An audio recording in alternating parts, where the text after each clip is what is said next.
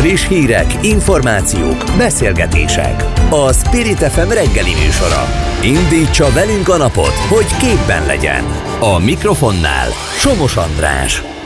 Jó reggelt kívánok, polgártársak! Szép napot, hölgyeim és uraim! Mindenkinek szép napot, akik ilyenekké szeretnének válni. Az első óra mindig a politikáé, ezt jól értik, vagy jól érzik, ezért ennek a jegyében itt lesz velünk számtalan pártpolitikus, de elsősorban beszélünk Gémesi Györgyel, aki természetesen a kormány által bejelentett önkormányzatokat és érintő rezsi emelkedés kapcsán lesz itt, illetve a kormányzati segítség távlatairól lesz szó. Aztán itt van a második témánk Torockai Lászlóval, aki hát választási csalást emleget, és Hát emlegetett valami genocidiumot is, de őszintén szólva ez nekem így, így kora reggel annyira megfoghatatlan, hogy inkább majd őt kérdezem erről. A Beke Károly a portfólió gazdasági elemzője arról beszél, hogy az MNB által bejelentett alapkamatemelés tulajdonképpen milyen milyen kiinduló okokból született, illetve milyen, mi lehet a kifutása. Majd az óra végén Brenner Kolomon a Jobbik képviselője lesz itt velünk, aki egyébként Kóros Lajos előtt beszél. A téma a szélerőművek, illetve hát Kóros Lajos a nyugdíjas ügyekről beszél, majd kezdünk is.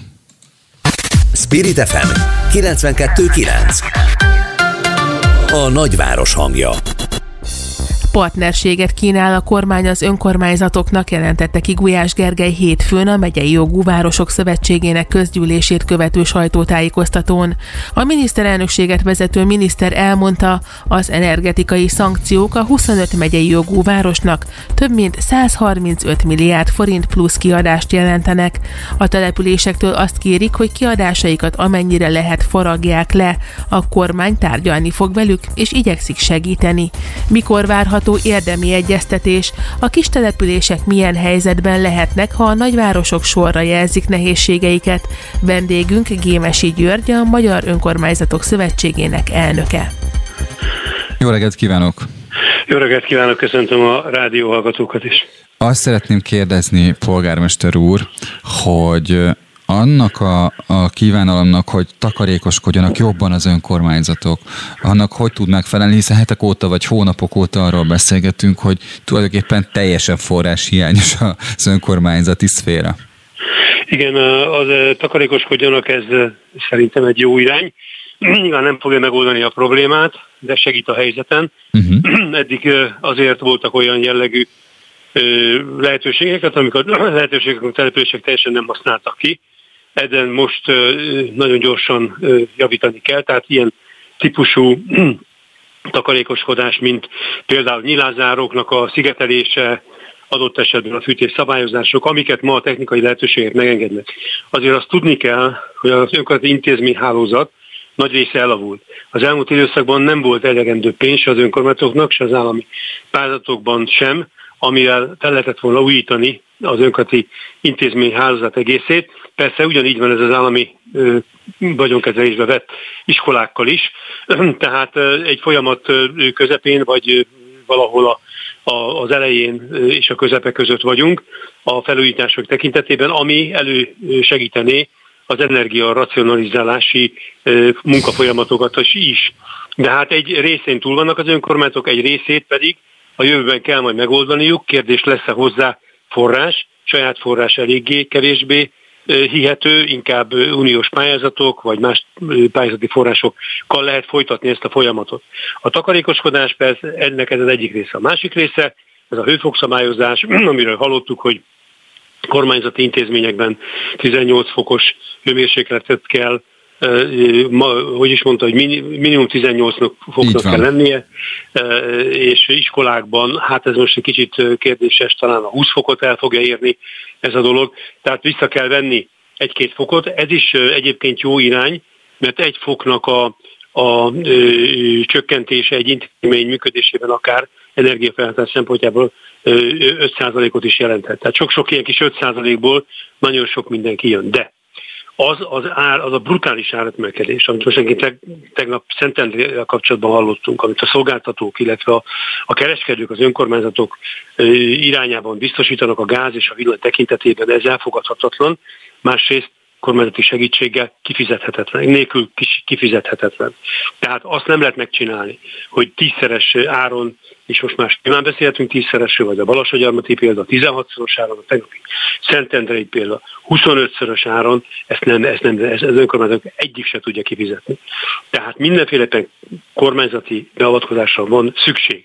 A takarékoskodás tehát jó irány, abból összességében 10-15, ha nagyon-nagyon jól működik ez a dolog, akkor 20%-ot kell meg, be, be lehet megtakarítani, de ebben már vannak intézménybezárások, uszoda bezárások, sportcsarnok bezárások. A másik oldalon pedig mindenféleképpen egy ársapkára van szükség, a kormányzatnak van ereje hozzá, politikai ereje és gazdasági ereje is, hogy meghatározza azt, hogy mi felett nem lehet az önkormányzatoknak energiát adni, mert egész egyszerűen nem tudják kifizetni, és akkor ott áll, hogy kikapcsolják vagy a villanyt, vagy a gázt. Gulyás Gergely hétfőn sajtótájékoztatón értékelte a helyzetet, ugye amikor ezt a partnerségi programot bejelentette, már hogy a kormányzat partner lenne e, e, ebben a segítségben, és azt mondta, hogy a magyar villamosművek már az elmúlt hónapokban számtalan olyan szabályt fogadott el, ami lehetővé teszi, hogy az önkormányzatok változó áron több hónapos garanciavállalás nélkül szerződhessenek. Hát ez még kevés. Tehát ez egy nagyon jó szándékú együttműködési kezdeményezés, de, de kevés. De ön tapasztalta ezt, hogy... Egyelőre hogy... nem, igen. hát ez most én, én nem láttam, hogy nem igen. kell előre fizetni három hónapot. Az már egy könnyebbség, hogy előre nem kell fizetni, de attól még fizetni kell. Értem. Tehát azért ez, ez egy jogszabálymódosítás. Például ez a halasztott fizetés egy ilyen könnyítés lenne ezek hát, szerint. igen, csak, csak nincs pénz. Aha. Tehát nincs pénz, nincs bevétel. Gondolj, Na jó, de ha lesz, mert, mert ugye arról olvasok, hogy, hogy például Szita Káro is majd erre külön kitérek, hogy miket mondott, mert az nagyon érdekes, de hogy azt mondja, hogy, hogy október második felében, novemberben lehetnek ezek a tárgyalások a kormányzattal, ami azért, hogy is mondja, még legalább egy három hét, négy hét. Hát és akkor, és akkor hogy kezdjük el a fűtési szezont, hogy lesz energia hozzá, miből fogjuk kifizetni december 31-ig. Tehát én tudom, hogy Cita Károly nagyon lojális a kormányzatra, sőt udvari beszállítója a kormánynak önkormányzati álláspontokat, ha közvetíteni kell, de azért más polgármester is van, akik azért ezt kicsit a racionálisabban és valóban a tények alapján közelítik meg. És nem csak megyei városok vannak, 23-an, most már 25-en, Igen. hanem vannak városok is, mint Szentendre, Budaörs, Gödöllő, Vác, Szeglét, Jászberény, és sorolhatnám tovább, 35-40 ezeres városok, ezekkel is foglalkozni kell. Itt is nagyon sok ember lakik, és akkor nem beszélek a kis településekről, és nem beszélek akkor még a fővárosok. Tehát itt egységesen kell kezelni ezt a helyzetet, nem lehet azt megcsinálni, hogy egyet kiragadunk belőle, és akkor kommunikáljuk, hogy ott megvan a segítség, az összes többit pedig ott hagyjuk. Ezt mondtam én tegnap, a kormány önkormányzatok egyeztetésén, az önkormányzatok nemzeti együttműködési tanácsának ülésén, hogy mindenféleképpen kvázi normatív alapon, vagy valami olyan alapon, ami mindenkinek egyformán segít kell meghatározni a támogatási mértékeket. Ezért jó az ársapka. Mert ha azt mondja, hogy mit tudom én, kétszeres áron, vagy háromszoros áron kell, a, a, még akkor sem biztos, hogy mindenki ki tudja fizetni, az energiát vagy a gázt kifizetni, akkor már az, egy, az már egy irány, arra már tudunk támaszkodni. Hiszen nekünk el kell kezdeni a 23-as költségvetést tervezni. Ugye meg, a, a kormány elfogadta, májusban az országgyűlés, az országgyűlés elfogadta, a kormány elfogadta a 23-as költségvetést. Ezt újra kell írni.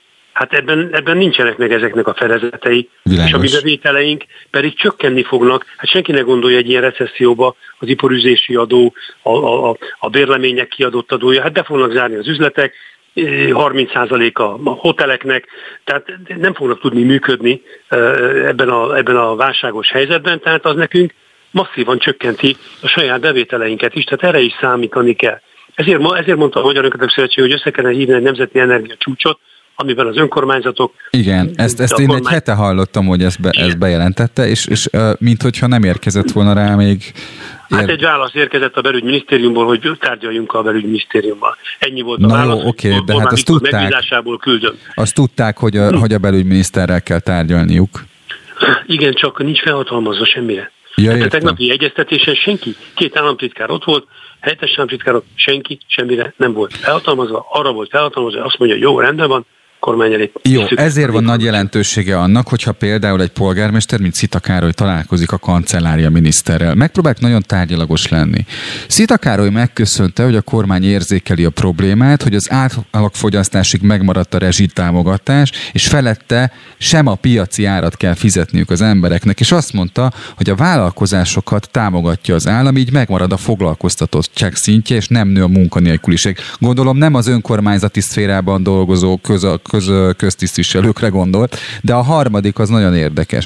Az önkormányzatoknak is tenniük kell annak érdekében, hogy a lehető legkevesebb, de 2022-esnél mindenképpen kevesebb energiát használnak el, ezt ön is elmondta, és azt megjegyezte, hogy ha működtetésben még ezek után is gond mutatkozna, az önkormányzatok a kormányhoz fordulhatnak. Teljesen jó a helyzet, kép, polgármester úr. Hát fordulhatnak. Fordulhat mindenki, ön is fordulhat a kormányhoz. Nem tudom, hogy milyen is. fog ez a fordulás. Igen, fordulás. Aktív párbeszéd igen. van. Igen, Abszolút. tehát tehát ez nagyon jó, mondom még egyszer, Szita Károly, én nem tudom ebben a kérdésben komolyan venni, udvari beszállító kommunikációs szempontból. Itt van egy Cserpalkovics András, akinek azért sokkal komolyan veszem a nyilatkozatait, vagy a Győri polgármester Dézsi Csaba, vagy, vagy, vagy más nem ennyire szervilisen be ágyazott polgármesterek, politikában szervésen nem beágyazott polgármesterek vannak, akik azért reálisan értékelik a helyzet. Jó magam is ilyen vagyok, mit, tehát még egyszer spórolni nyilván kell, és meg is kezdette mindenki ezt a munkát, de azt nem lehet figyelmen kívül hagyni, hogy ez kormányzati beavatkozás nélkül nem fog menni. Azok, amik eddig történtek, jó irányok, semmi gond nincs ezzel, de ez effektíve kell, radikális lépés, ilyen az ársapka. A Nemzeti Energiacsúcs pedig azt kezdeni el a felek között, ebben legyenek benne önkormányzatok, az állam, nyilván akár benne lehetnek a gazdaság szereplői, a szakemberek, szakértők, energiaszolgáltatók, ezeket mind szépen össze lehet rakni, akik elkezdenek arról tárgyalni, hogy hogy lehet Magyarországon megoldani azt, hogy mi önkormányzatok és más szektorok ne legyenek kiszolgáltatva az energia kereskedőknek, az energia szolgáltatók. Ma, Világos. ma, ma a 700, 700 forint körülbelül a holland tőzsdén a gáz. 700-750 forint. Ez ugye a 100 forinthoz képest 7-8-szoros. A kereskedők Balassagyarnak 16-szorosért, most legutóbb tegnap láttuk, láthattuk a, a közbeszerzés kapcsán Szentendrénél 25-szörös tehát nem 8-szoros és 7-szeres, 25-szörös áron kínáltak energiát. Ezt nem tudja kifizetni, Elnök úr. akkor elzárják. Elnök fog úr. történni. Igen, ne Bocsánat, hagyjuk ki a kereskedelmi és iparkamara elnökét sem az egyeztetésből, az, az nagyon fontos. Feltétlen igen, különösen miután kétszer javaslatot tett az iparüzés adó lefelezésére, így, így kiválóan alkalmas lesz arra, hogy Elnök úr, hálás vagyok, hogy elevezte a helyzetet, és meglepődnék, ha ez lenne az utolsó beszélgetésünk ebben a témában. nem ez lesz. Köszönöm. Szép napot kívánok Minden mindenkinek. Jót. Viszont hallás. Spirit FM 92.9 A nagyváros hangja a Magyar Létért tette közzé kiáltványát a Mi Hazánk mozgalom. A párt meglátása szerint az a világ, melyet korábban megálmodtunk, süllyedőben van. Az északi civilizációt megalkotó őshonos népek ellen szellemi és fizikai értelemben is genocídium zajlik szerintük, de úgy látják, meg lehet még állítani a globalista veszedelmet. Torockai Lászlóval, a párt elnökével beszélgetünk arról, miként oldanák meg a jelen problémáit, és arról is kérdez megkérdezzük, hogy a napokban általuk ismertetett választási csalásnak milyen volt a fogadtatása, és hol tart az ügy. Jó reggelt kívánok Torockai Lászlónak! Jó reggelt kívánok!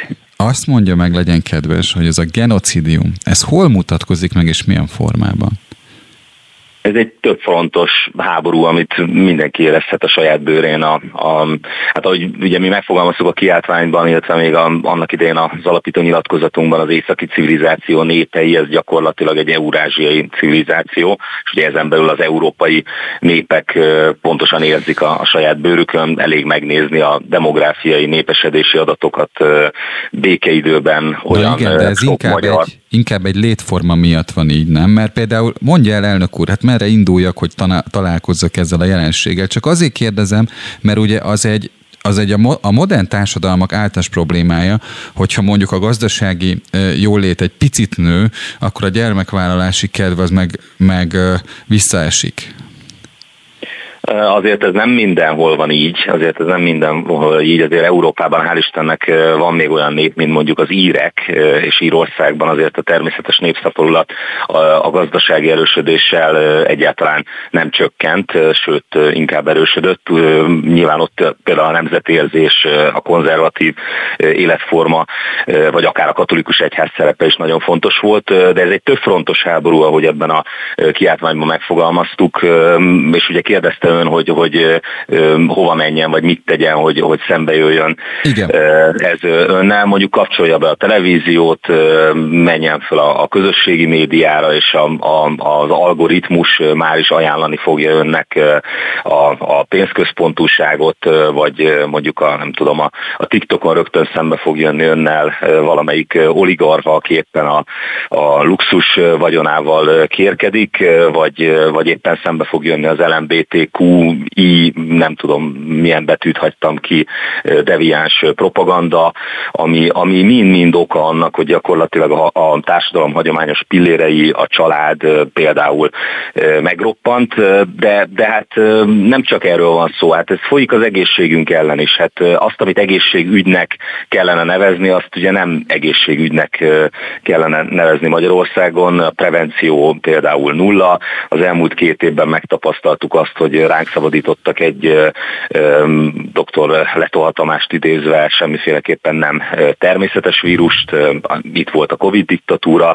Az elmúlt kettő esztendőben szembe jött velünk egy olyan lokális háború, amely a világtörténelemben talán először nevezhetünk lokális világháborúnak, hiszen nem csak az ukránok és nem csak az oroszok háborúját látjuk itt a, a szomszédban, ami, ami akár a harmadik világháború veszélyével, egy nukleáris háború veszélyével fenyeget, tehát nagyon-nagyon kemény dolgok történtek velünk az elmúlt rendben, rendben, rendben. A genocidiumra akartam rákérdezni, mert ugye az egy olyan kifejezés, amely tudatos népírtást jelent, de ezek a jelenségek, amiket ön mond, ezek nem a, hogy mondjam, az ön számára, vagy a pártja számára kedves civilizációkat érintik csak, hanem a világ teljes népességét érintik, akár a vírusra gondolunk, vagy, a, vagy azokra a globális pénzügyi folyamatokra, amelyeket hát mondjuk a rendszerváltás óta támadják azok a pártok, amelyek a mi hazánkhoz hasonló platformon vannak. Most kezdem a Magyarországi Piacpártól, vagy a Magyar Igazság és Életpártjától egészen a mi hazánkig.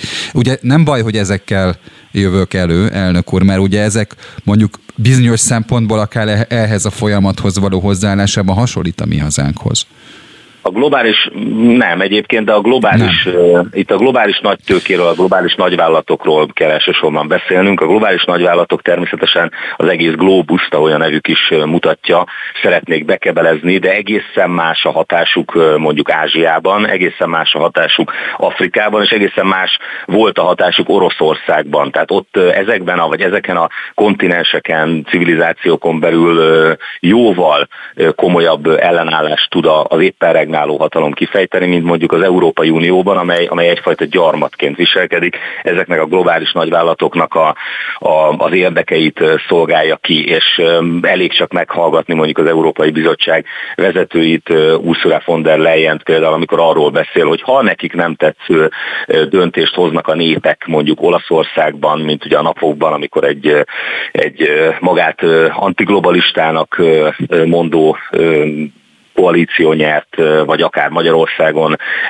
például a Mi az mozgalom bejut a parlamentbe, vagy mondjuk Lengyelországban. Tehát, hogyha ennek a globális nagytőkének nem tetszik az az irányvonal, ahogy az emberek gondolkodnak és döntenek egy demokratikus választásokon, akkor megvannak az eszközeik arra, hogy, hogy megállítsák ezeket a folyamatokat. Hát ilyen nyíltan demokrácia ellenes és népellenes megnyilatkozások azért korábban nem voltak az Európai Unióban, most egyre egyre többször fordulnak elő. Hát erről beszéltem, amikor azt mondtam, hogy a mi civilizációnkat, vagy akár akkor, akkor szűkítsük le az Európai Unióra, sokkal jobban érintik ezek a, ezek a problémák, és sajnos, hogy, hogy magára a megoldásra is rátérjek, hogy ne csak elvi kérdésekről beszélgessünk. Igen. Ugye ez a kiáltvány túl azon, hogy megfogalmazza, hogy, hogy számunkra a saját civilizációnk, a hagyományaink, a tradícióink rendkívül fontosak.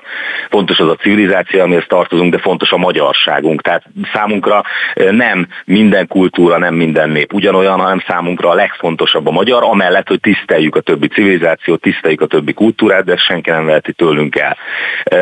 Ami a megoldásokat illeti, hát elsősorban el kellene mozdulnunk az önállátás felé, a, függetlenség felé, ahol csak lehet. Ugye milyen jó lenne, vagy milyen jó lett volna, hogyha például az energiafüggetlenség irányában sokkal hatékonyabb és, és jobb lépéseket tettek volna a kormányok mondjuk az elmúlt 10-20 évben, ehhez képest mi például támogattuk megalakulásunk óta az atomenergiát, és Paks 2-t is támogattuk. Ehhez képest 2023-ban azért nem lesz olcsóbb az áram számla a, a magyarok számára, mert a kormány az eredeti célkitűzés nem teljesítette, és, és nem tudja, tehát Paks 2 nem tud még termelni 2023-ban. De hát nem csak, nem csak erről van szó, hanem lehetett volna, hogy mi, mi a zöld energiát, a, a megújuló energiát is támogatjuk, Világos. rengeteg lépés kellett volna tenni, ezt sem tette meg a, a kormány, vagy például gondoljunk az élelmiszer krízisre. Mennyire jó lett volna, hogyha ez a kormány, vagy akár a, a korábbi kormányok támogatták volna azt, hogy a mezőgazdaságot talpra állítsuk. Ehhez képest az elmúlt 12 évben sem tett mást a Fidesz, mint hogy a, a kormányhoz közel álló haverok nagy birtokrendszerét építette ki, nem a, a magyaroknak adott ezzel munkát, hanem Elnök akár külföldi olcsó munkaerővel próbálja ezt a nagy birtokrendszert kiépíteni. Nem akarom azt, hogy a, a választási csalásos ügyre ne térjünk ki, amely, amelyet uh, ugye már a sajtóban lehet olvasni egy-két napja, de hogyha megígéri, hogy egy szavas választod, akkor még egy kérdést hagyd tegyek föl. Tehát elége visszamenni a mondjuk a ö, nagyfogyasztású autóktól a rollerig, vagy a lovaskocsig kell visszamenni, tehát a mi hazánk számára mi a megoldás ez ügyben? amikor ilyen energiatakarékos vagy önellátó megoldásokat preferál a párt? Hát semmiféleképpen nem az, hogy a, a gyermekeink vagy éppen a nyugdíjasok fagyjanak meg otthon, mi ezt nem támogatjuk, nem, nem, ez a, nem ez a helyes irány, hanem például az, hogy olcsó, paksi villamos energiával el lehetne a teljes magyar lakosságot látni, ehelyett inkább a globális nagyvállalatoknak adja az olcsó És milyen érdekes, hogy az ellenzékben, a, parlamenti ellenzékben ebben a kérdésben például teljes a konszenzus. Térjünk... Pontosabban, jön, pontosabban jönnek utánunk a, a hát persze, ez egyértelmű, csak ne, nem, akartam így, nem akartam így fényezni a, a mi hazánkat. A választás rendjeleni bűncselekmény miatti feljelentésre hadd térjek rá, ugye hogy derült ki önök számára az, hogy a Jobbik egykori munkatársa, aki egy elnöki, mai munkatársa, aki az elnöknek volt közvetlen munkatársa, olyan a Facebook, az önelleni Facebook támadás kapcsán mondott információt tartalmazó hangfelvételt, hát hogy mondjam, részese, egyébként hangfelvétel részese, amely miatt tették ezt a feljelentést, és amely sérelmes a mi hazánk szempontjából. Nyilvánvalóan ugye a Jobbik a szemünk előtt tetik szét, és a korábbi alkalmazottak, vagy akár a korábbi politikusai, akik ugye kikerültek a, a kosárból, tőlük azért egyre több információ jut el hozzánk. Így kaptunk egy levelet, amiben egészen megdöbbentő információk szerepelnek, és ezt a levelet alá is támasztották bizonyítékokkal. A bizonyítékok hangfelvételek voltak, ugye összesen hat hangfelvételt kaptunk, el is mondtam, hogy rögtön három igen fontos jobbikos szemét, vezetőségi tagot, alkalmazottakat én magam is be tudtam azonosítani, de nem csak a hangfelvételek a, a bizonyítékok arra, ami ebben a levélben szerepel, azt gondolom a perdöntő bizonyíték az az az e-mail, ami egy hírportálon jelent meg, és ugye ez az e-mail, ez Szabó Gábortól a, a Jobbik valódi irányítójától, háttérben megbúvó irányítójától, a Jobbik korábbi pártigazgatójától, Szabó Szabó Gábortól származik. Ez a levél, ez 2019. május 16-án délután íródott és elküldte a, a legfontosabb munkatársainak, hogy az előre megbeszéltek alapján jelentsenek bizonyos Facebook posztjaimat, és másnap a Facebook erre hivatkozva kapcsolta le az oldalamat. Értem. Hát azt gondolom, hogy ez, ez itt abból a szempontból botrány, ugye nem csak erről szólt ez a levél, hanem például arról, hogy ugyan, ugyanebben a választási kampányban, ezekben a napokban, tehát a, ez az EP európai parlamenti választás, egy hangfelvételt készítettek, amely automatikus telefonhívás formájában akár 100-200 ezer emberhez is elérhetett a, a kampányban, tehát felhívta egy hang. És amely arról szól, hogy a mi hazánkra ne szavazzanak, mert túl kicsi a támogatottság. Illetve ugye? a kutyapártra, illetve a kutyapártra, Igen. tehát a, a mi hazánkra és a kétfarkú kutyapártra ne szavazzanak, mert már egészen biztos, hogy nem jutnak be a parlamentbe. Ezt egy fókusz közvéleménykutató cég nevében mondja egy hang, egy horvát Robert nevű hang. Ugye erről derült most ki, hogy ugye ez egy fiktív közvéleménykutató cég volt, és horvát Robert pedig Kis Zoltán Imre volt valójában, Szabó Gábor közvetlen munkatársa. Ez a választás rendje elleni bűncselekmény a, a jogi álláspontunk szerint. A jó hír az, hogy ez nem évült el, mert öt év alatt évül el, tehát ebben az ügyben rendőrségi feljelentést tettem, illetve maga az ügy kapcsolódhat a, a napokban, illetve a hetekben most már egyre inkább burjánzó, szintén óriási botrányhoz, ahhoz, hogy, hogy Amerikából milliárdokkal finanszírozták a, a balliberális oldal kampányát, hiszen felmerül a hangfelvételeken a, a DAT Adat Professional Kft. neve, amely ugye az Amerikai Egyesült Államokban nyúló cégcsoport, Bajnai Gordon korábbi baloldali miniszterelnök, illetve Ficsor Ádám titkosszolgálati miniszter érdekkörébe tartozó cég, amely hozta, illetve kapta is ezeket az amerikai pénzeket. Én azt gondolom, ez óriási botrányát képzeljük el, hogy akár az oroszokról kiderült volna, hogy finanszírozzák egy kampányát, mekkora botrány lenne, teljesen jogosan. Ahhoz én hozzá vagyok szokva, hogy ha beszélek önnel, akkor legalább három embert kell felhívnom, hogy reagáljon.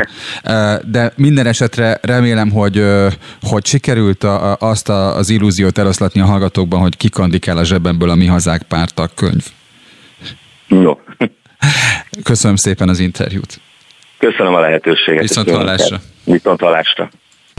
Friss hírek, információk, beszélgetések. A Spirit FM reggeli műsora. Indítsa velünk a napot, hogy képben legyen. A műsorvezető Somos András. 13%-ra emelte a jegybanki alapkamatot a keddi kamat döntő ülésén az MNB monetáris tanácsa. Ugyanilyen magas 2000 februárjában volt az alapkamat, míg a 2008-as válság idején 11,5%-on tetőzött. A jegybank elnöke szerint a jelenlegi kamatszint mellett nincs értelme tovább menni felfelé.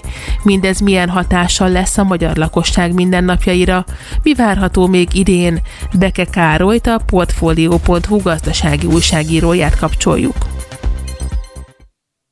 Jó reggelt kívánok! Jó reggelt kívánok!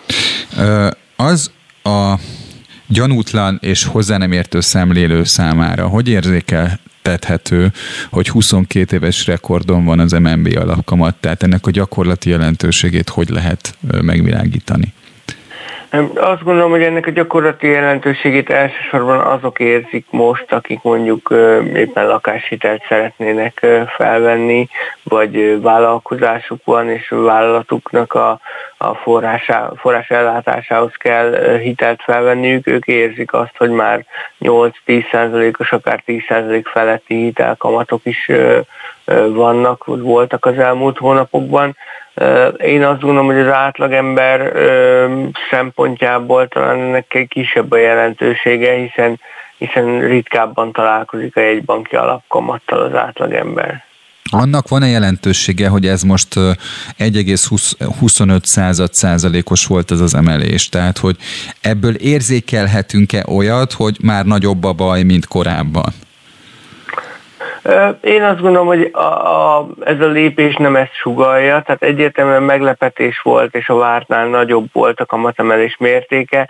Ugye az elemzők 75, illetve 100 bázispontos Igen. prognózisokat adtak előzetesen, ehhez képest a 125 bázispont nagyobb volt, de én azt gondolom, hogy ez inkább annak szól, hogy a jegybank a, a kamatemelési ciklus lezárásaként, de egy, egy nagy ö, lépéssel akarta demonstrálni azt, hogy továbbra is elkötelezett, de ezzel egyben le is zárja a kamatemelési ciklust. Ugye a múlt héten Virág Barnabás alelnök már utalta arra, hogy a kamatemelési ciklus lezárásának kétféle forgatókönyve lehet. Az egyik az, hogy egy nagy lépéssel zárják le, és azt mondják, hogy akkor itt a vége, a másik pedig az, hogy több kisebb lépéssel úgymond lecsengetik ezt a kamatemelést. Tehát meg az lett volna a másik lehetőség, hogy mondjuk a korábbi 100 bázispont után most emelnek 75-öt, vagy 25-öt, vagy 50-et, és aztán fokozatosan az év végéig uh-huh. zárják le ezt a kamatemelési ciklust. A kamat valószínűleg akkor is hasonló szinten tetőzött volna, a jegybank most úgy döntött, hogy, hogy, hogy most itt van egy lehetőség arra, hogy, hogy lezárják ezt a ciklust. Annak, hogy most a jegybank elnöke azt mondta, hogy itt a vége, annak mi az üzenete a pénzpiac számára? Mert hogyha nem jelentik ki, akkor, akkor ez, ez hogy alakulhatott volna, vagy mi annak a gyakorlati oka, hogy ezt most be kellett jelenteni? Általában a jegybankok ezt beszokták jelenteni, azt is, ha elkezdenek egy kamatemelési ciklust, és azt is, ha lezárnak egyet. Uh-huh. Ez a jegybank hitelességét növeli, vagy Értem. a befektetők felé való kommunikációt erősíti. Tehát amikor a jegybank mondjuk emel egyszer egy kamatot, akkor, akkor utána beszokta jelenteni, hogy ez most egy egyszeri lépés volt, és úgymond kiigazítás, vagy pedig elindult ezzel egy kamatemelési ciklus. Igen, azt tudjuk, lezárja, igen, azt tudjuk hogy 2021 nyara óta tart ez a folyamat, tehát nyilván így viszont kiszámítható a, a pénzpiaci szereplők számára a helyzet. Igen.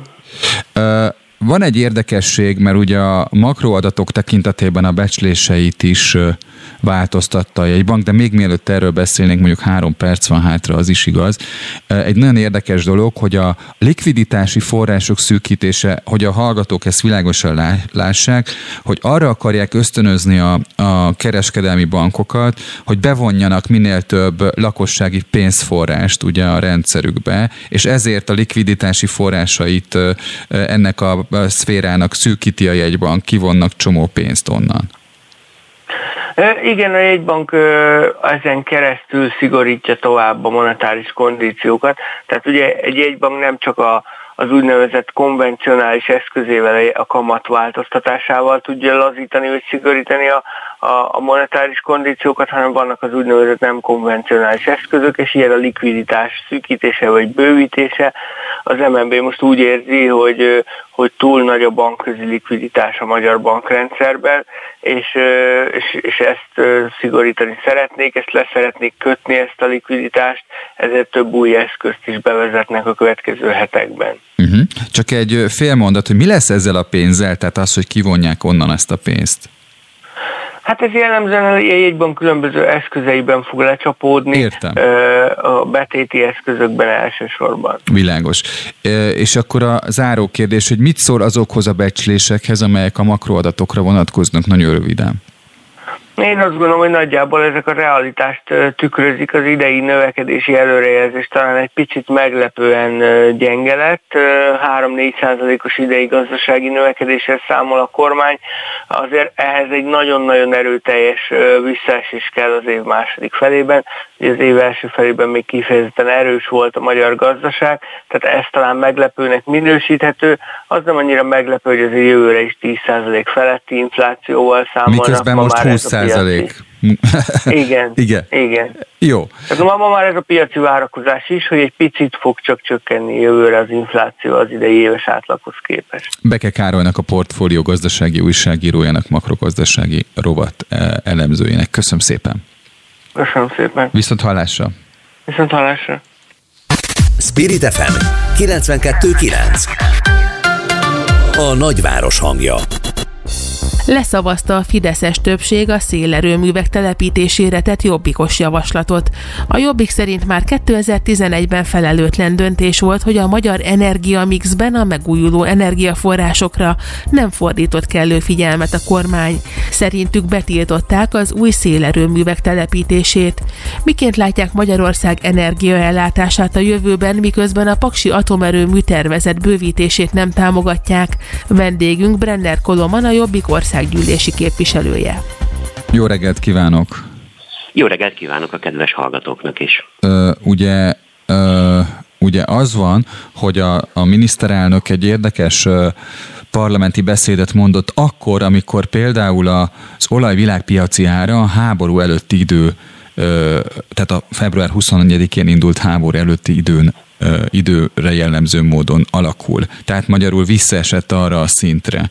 Itt viszont arról hallunk, hogy a, hogy a szankciós politika miatt nagyon-nagyon drága az energia, és amíg vannak a szankciók, addig, addig tart ez a, tart ez a helyzet a magyar ö, nyersanyagoknak az árával, amit a lakosság fizet meg. Hogy látja ezt a kettősséget? Hát azt gondolom, hogy itt nyilvánvalóan az, hogy az orosz agresszív háború Ukrajnával szemben átmenetileg megnövelte a világpiaci árát, az mondjuk a kőolajnak és a földgáznak, az egy, az egy normális folyamat.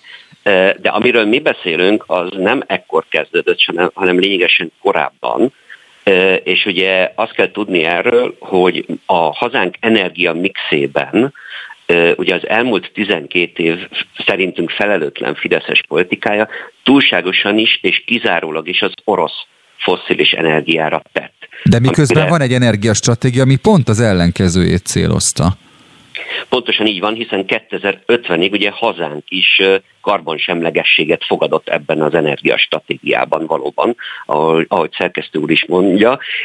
Ezért is álltat álltam én értetlenül azelőtt, hogy délelőtt a gazdasági bizottság Fideszes tagjai nem engedik parlamenti vitára a javaslatomat, hogy végre ismét 2011 után lehessen új szélerőműveket létesíteni hazánkban. Majd egyébként délután a vitában Orbán Viktor miniszterelnök azt mondja, hogy a kormányon belül is van erről vita, és beszéljük meg a parlamentben, hát jó reggelt kívánok miniszterelnök úr, hát akkor ezt a fideszesek felé is lehetett volna esetleg közvetíteni reggel. Úgy látszik, hogy a kormány az válogat a, a pártok között, az ellenzéki pártok között. Ha az LNP javasol valamit, hogy felvet a vitában, akkor ezek szerint beleáll a miniszterelnök, hogy legyen vita. Nem tudom, hogy egyébként eljönne, eljönne a kormány többség egy ilyen vitára, mert az szokott történni, hogy oké, a miniszterelnök támogat egy vitát, majd nem jönnek el a képviselők. De mindegy, ezt most hagyjuk, és akkor nagyjából 20 perc alatt lerendezik ezt a vitát is, amit a, ami, a, a, ahogy a többi vitát. De a, az tényleg egy jogos kérdés, hogyha az atomerőművet nem támogatja a jobbik, akkor és a szakemberek szerint egyébként ez szükséges ahhoz, hogy az energiamix, az ön által hivatkozott energiamix megfelelő összetételű legyen, és biztosítsa az energiállátást, akkor hogy van az, hogy a szélerőművekért megkardoskodik a párt? Nem tudom, honnan származik az információ. Én minden kijelentésemben azt mondtam, hogy mi támogatjuk az atomenergiát felelős konzervatív pártként, tehát ez egy félreértés lehet sőt Paks egy bővítését is támogatjuk, Paks 2-vel kapcsolatban pedig azt mondtuk, hogy az orosz technológiával megépítendő Paks 2-t nem támogatjuk. Hát de nem volt másról Mivel, szó, csak az oroszról, nem?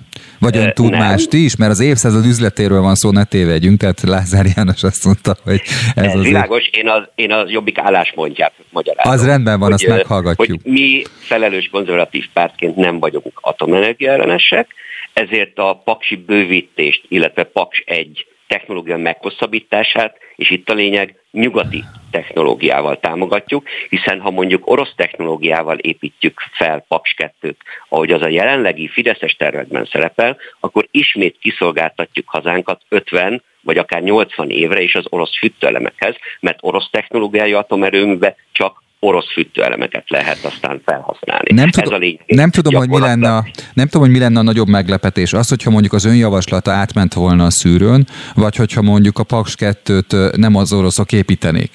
Tehát nem tudom, hogy ebből a kettőből melyiket tartaná olyannak, ami, ami elképzelhetetlen lett volna az előtt, de mégis megvalósul.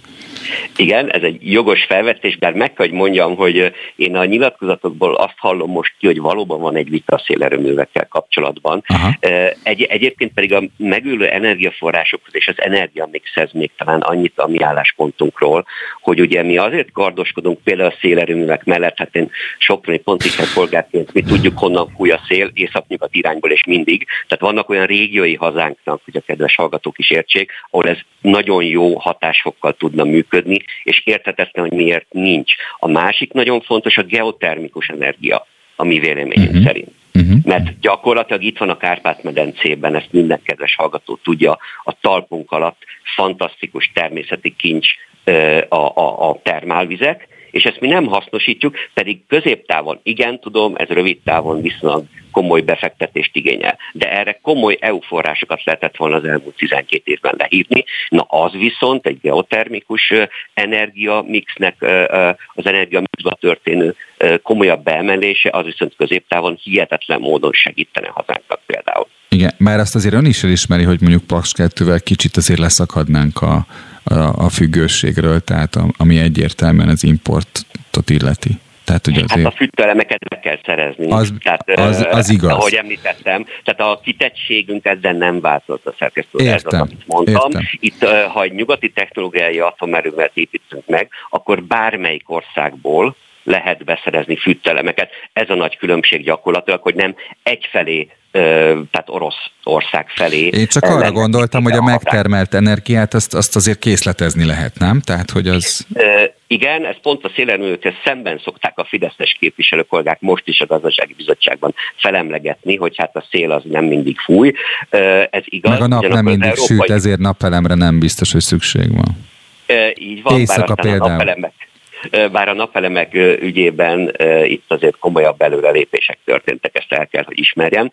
Ugyanakkor az Európai Unióban kimondottan nagy erőkkel folyik az energia tárolására mhm. vonatkozó modern technológiák fejlesztése, kinetikus energiáról tudok beszélni, és itt tehát egy nagyon komoly technológiai váltás közepén vagyunk, és itt az a lényege, hogy ha most nem hozzuk meg gyorsan ezeket a döntéseket, akkor lemaradunk abban a versenyben, aminek a végcélja valóban 2050-re karbon semlegesíteni hazánkat. Záró kérdés. Amikor a miniszterelnök azt mondta, hogy nincsenek meggyőződve arról, hogy szükséges az újraindításuk a szélerőműveknek, és hogy egyébként szívesen jelzik a vitát, vagy ö, ö, veszik a vitát, akkor mire gondolt, hogy mire gondol a miniszterelnök, hogy nincsenek meggyőződve? Hát én azt látom, hogy mindenfelől azt halljuk, hogy a kormányon belül van egy vita, és úgy tűnik a miniszterelnök úr még nem foglalt állást e, ebben a vitában. Egyébként én e, Meggyőzhető a, a miniszterelnök, ez tök jó. E, ezt nem állítottam, én azt mondtam, hogy van egy vita tűnik a kormányon belül, és segíten egy, egy felelős ellenzéki pártnak, ilyenkor nyilvánvalóan az a dolga, hogy erősítse azt az álláspontot, hogy igenis nagy szükség van hazánknak szélerőművekre. Brenner Kolomannak, a külügyi bizottság tagjának, a, a Jobbik frakcióvezető helyettesének, ugye? Igen. Köszönöm szépen az interjút. Én köszönöm, hogy itt lettem, viszont hallásra. Viszont hallásra. Spirit FM 92.9 A nagyváros hangja Egyre nagyobb teher nehezedik a nyugdíjasokra, napról napra veszélybe kerül megélhetésük. Az MSP a kormányt kéri, nyújtsanak segítséget a nyugdíjasoknak. Koros Lajost, az MSP szociálpolitikusát kérdezzük, pártjuk milyen megoldást lát erre. Jó reggelt kívánok Koros Lajosnak! Jó reggelt kívánok, én is üdvözlöm Önöket. Igen, Komjály Tímre arról beszélt hétfőn, hogy soha nem látott megélhetési katasztrófa küszöbén áll Magyarország, és hogy drágulás, infláció, gyenge forint, nemzetközi környezetnek kitett gazdaság, stb. stb. És így ezek a külső tényezők hatnak arra, hogy a nyugdíjasok közel és távoli jövője hogy alakul. Mégis hogy lehetne azt, hogy lehetne azt alátámasztani, hogy az átlagosnál, vagy a korábbinál rosszabb helyzetben vannak a nyugdíjasok? A, a nyugdíjas társadalom évről évre szakad le a társadalom többségétől, egészétől, soha nem látott mértékben szakadt le a bérekhez képest a, a nyugdíjak értéke, még akkor is, hogyha azzal vagdalkoznak, hogy 8 vagy 9 százalékkal átlagosan növekedtek mondjuk ebben az évben a nyugdíjak, de hát ugye a bérek meg ettől lényegesen jobban, és most már ez évek óta tart, közel 10 éve ez a dinamikus, dinamikus leszakadás, tudom, hogy ez pontatlan megfogalmazás ilyen formában, abba gondoljanak bele, hogy 2010-ben a kormányváltáskor az átlag bér és az átlag nyugdíj hányadosa olyan duplán olyan 65-66 százalékon állt. Most nem éri el az átlag nyugdíj az átlag bérnek az 50 százalékát sem. Hmm. Ez nagyon durva szám, 49,2%-át éri el az átlag múlt évben mért átlag nyugdíj, az átlag bérek. Ez azért van, mert a béremelkedés üteme az sokkal nagyobb, vagy az, hogy a nyugdíjemelés mértéke kisebb sokkal, mint a az ősbűn az az infláció követő nyugdíjemelési technikára való átállás most már tíz évvel ezelőtt. Hát igen, csak azt nem a Fidesz kezdte el. De a Fidesz kezdte el, kőkeményen, a Fidesz kezdte el, azt mondták, azt hazudták egyébként, mert pontosan tudták, hogy ez be fog következni, hogy ők megőrzik a nyugdíjak vásárlóértékét, és ezzel a mondattal ők gyakorlatilag azt mondták, hogy kizárólag az infláció növekedésének mértékével fogják emelni a nyugdíjakat. Miközben, hál' Istennek, a bérek, főleg az utóbbi 5-6 évben meglehetősen dinamikusan emelkedtek. A gazdaság teljesítményéből gyakorlatilag a nyugdíjasok az elmúlt években nem részesültek. Innentől kezdve ez a képlet állt elő, amit az előbb elmondtam, és azt hiszem, hogy Komját Imre is azért mondta, hogy még megélhetési katasztrófa elé néz az ország, mert ebben az évben kétszer is ki kellett igazítani a nyugdíjakat az elfogadott költségvetési törvényel szemben. Pontosan lehetett látni, hiszen a jegybank már a múlt év nyarán jelezte, hogy milyen inflációs mérték fog bekövetkezni ebben az évben. A másik, amit, amiről elfeledkeznek, és szeretném, hogyha itt legalább lehetőségünk lenne ezt elmondani, ugye novemberi visszamenőleges nyugdíjemelést várnak a, a nyugdíjasok, csak hogy itt az a helyzet, hogy a törvénynek csak az első felét olvassák rendszerint, amely azt mondja, hogy az 1-8 hónapos inflációs adatok figyelembe vételével kell majd októberben számfejteni a novemberi visszamenőleges kiigazítás, uh-huh. illetve az. Uh-huh. Most a mondatnak csak az első fele ez, mert a második fele pedig úgy hangzik, hogy és a következő három hónap várható adatai. Na most innentől kezdve az látszott, hogy dinamikájában az infláció havonta közel 2%-kal nőtt, így be lehet kalkulálni, hogy az októberi inflációs adatok is 2%-kal magasabbak lesznek, mint a jelenlegi, a novemberi, és nagy valószínűséggel a decemberi is, hiszen Varga Mihály tegnap már 20% vagy a fölötti inflációról beszélt. Úgy van. Nyilván fórumon. Innentől kezdve én azt gondolom, hogy legalább olyan az 1-8 hónapot figyelembe véve legalább 8, de inkább 10%-os novemberi kiigazító emelésre kéne sort keríteni. Koros Lajosnak köszönöm szépen, hogy gyors elemzést végeztünk, folytatjuk majd a témát legközelebb. Minden jót kívánok! Köszönöm, viszont hallásra! Viszont hallásra! Friss hírek, információk, beszélgetések. A Spirit FM reggeli műsora. Indítsa velünk a napot, hogy képben legyen. A műsorvezető Somos András. Úgy tűnik, hogy a részleges orosz mozgósítás az előzetes várakozásoknak megfelelően sokkal több embert érint majd, mint az eredetileg bejelentett 300 ezer katonai kiképzéssel rendelkező tartalékos. Valójában 1,2 millió orosz állampolgár kaphat hamarosan behívót, írja a Portfolio.hu cikkében. Mit jelenthet ez a mozgósítási szám? Milyen hatással lehet a háborúra? Valamint az évszakváltozás miként változtathatja meg a háború dinamikáját? Munkáját. Ezekre a kérdésekre keressük a válaszokat vendégünkkel, az NKS Stratégiai Védelmi Kutatóintézetének munkatársával. Jó járt Krisztiánt kapcsoljuk. Jó reggelt kívánok Jó járt Krisztiánnak. Jó reggelt kívánok! Ön, ön a különböző források alapján tudja, hogy pontosan mennyi embert mozgósítanak most Oroszországban? Ezt nem tudni, és azért nem lehet tudni, hiszen ez a szám ez titkos, tehát az erről szóró elnöki rendelet hetedik pontja az, ami nem nyilvános, és feltehetően ebben vannak olyan számadatok, amiből ki lehetne következtetni, hogy konkrétan hány behívottról van szó.